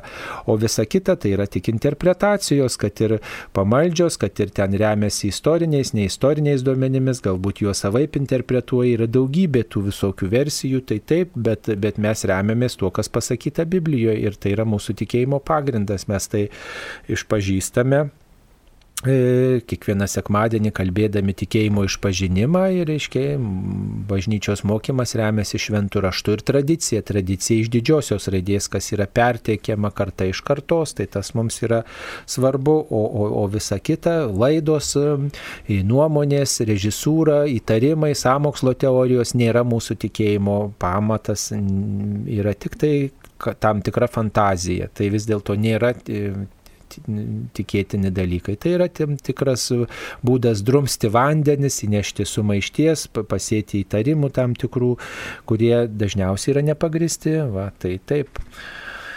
Taip, dar viena žinutė, kada bus panaikinta nešvanki svetima Europinė litiškumo programa mokyklose. Kada termino negalim pasakyti. Švietime. Švietime, taip. Tai e, turbūt reiktų sakyti, kad dabar ta lytiškumo programa mokyklose dar yra tokia gana nuosaiki. Ir, ir ją rengiant, kiek, kiek žinau, dalyvavo ir katalikiškų organizacijų, šeimų, e, bažnyčios e, atstovai, jinai gal nėra visiškai tokia krikščioniška, kaip mes sakytume pagal Jono Pauliaus antrojo kūno teologija, bet ir nė, nėra tokia, ko, dėl kokios dabar nerimauja ir prigimtinė šeima, tradicinė šeima tokį pagarbų požiūrį į žmogaus lytį ginantys e, žmonės. Yra kažkoks toks tarpinis variantas. Yra galbūt bandoma, e, ypač dabartinės mūsų keistokos valdžios, keisti to tokio materializmo ar tokio, sakykime, ankstyvo nesveiko seksualumo skatinimo linkme tą švietimo mokyklinę programą. Ir, ir tas turėtų kelti, manau, ir mm, savo šeimą, vaikus mylintiems tėvams. Ir, ir tokiai sveiko mąstymo visuomeniai nerima turbūt čia reikėtų spausti ir mūsų politikus įrašyti E, laiškus savo apygardų Seimo nariams ir be abejo tikintiems žmonėms melstis, kad tos tikrai žalojančios tokį nesveikas ankstyvą jaunimo vaikų seksualizaciją skatinančio švietimo programos nebūtų priimtos. Tai kas kas yra dabar, kol kas dar sakytume, yra, yra gana pakenčiama, bet, bet labai norima tą radikaliai keisti ir galbūt keisti ne tą linkmę, kokios norėtų Lietuvos visuomenės, tėvų, šeimų dauguma. Tai va čia turime turbūt būdėti ir su malda ir tokiom geros valios pastangom, kad jie mums nepriimtini, žmonių daugumai nepriimtini švietimo programų keitimai neįvyktų.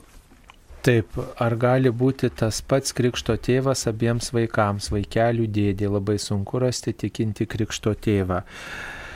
Pritariu Jums, kad labai sunku surasti krikšto tėvą vaikams, daugybė tą žmonių liudyja bažnyčiose, o tas pats krikšto tėvas, vaikelių dėdė gali būti abiems vaikams, tai tikrai svarbu, kad tas žmogus būtų tikintis, priėmęs krikšto sakramentą, prieėjęs komunijos, e, prieėmė sutvirtinimo sakramentą ir jeigu gyvena santokoje, tą santokinį gyvenimą, kad būtų prieėmęs ir santoko sakramentą. Toksai pavyzdys vaikams, aišku, keblu, e, kai žmonės gyvena tokiuose įvairiuose santykiuose, įvairių tų tikėjimo praktikų ir, ir, ir, ir tų požiūrių ir, ir turi, tai aišku, kad gana nelengva tą padaryti, bet reikia turbūt ieškoti ne tik tai tarp giminių, bet ir bendruomeniai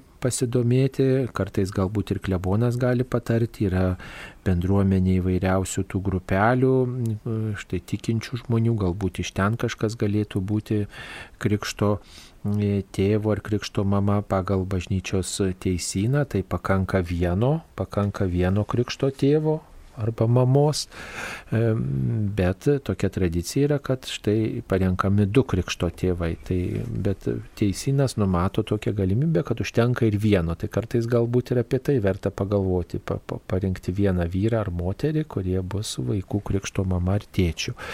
Ir um, tokiu lydėtojų tų žmonių apsima būti. Tai, tai taip galima atsakyti jums. Taip. E, dar viena klausimas, kaip kunigai nevienodai aiškina apie sielą ir dvasę. Šiandien sakėte, kad siela eina pas Dievą, o dvasia kur. Taip, nu, matot, čia nesminis klausimas yra siela ir dvasia laikomi sinonimais.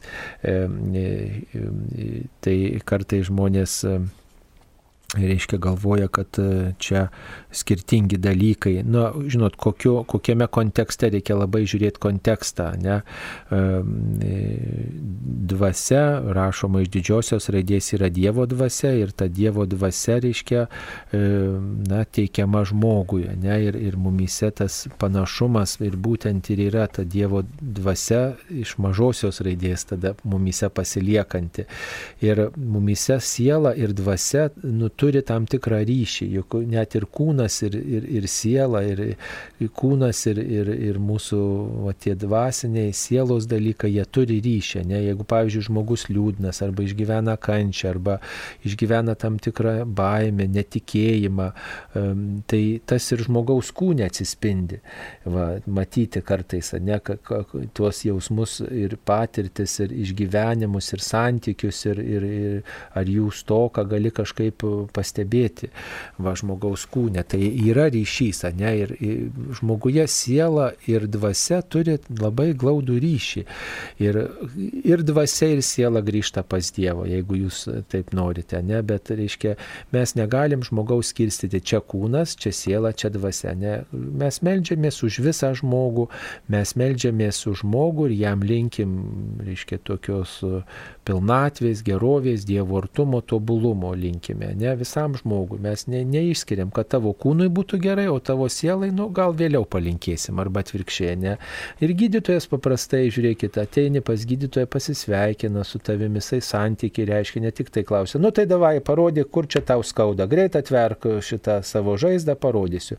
Yra ir, ir santykis su tuo žmogumi, ir geras gydytojas, jisai, jisai žino, ir net ir gydytojas sako, kad gydytojai gydo ne tik tai kūną, reiškia, jie, jie ir tam tikrą nuotaiką neša ir žiūrėk, kartai žmogui gal ir tų vaistų nereikia, bet užtenka va tokio prieimimo, susidomėjimo, patarimo kokio ir va tas toks visuminis požiūris į žmogų turėtų būti, ne ir bažnyčia net ir kūno teologijos tą terminą iškeldama pabrėžia, kad, kad visas žmogus yra svarbus ir Dievui svarbus ir, ir mums turėtų būti svarbus visas žmogus. Tai, tai bet kokiu atveju mes keliaujam pas viešpatį ir iš Dievo atėjom ir pas viešpatį sugrįžtam. Tai e, ten, o, o kuri ten dalis stos, kuri ten dalis nestos, gyvybės pradas jausmai kažkur ten išnyks, išli, kažkur pražus, o reiškia tas panašumas pas viešpatį liks. Na, čia jau tokie dalykai, kurie m, tokie yra, kaip sakyt,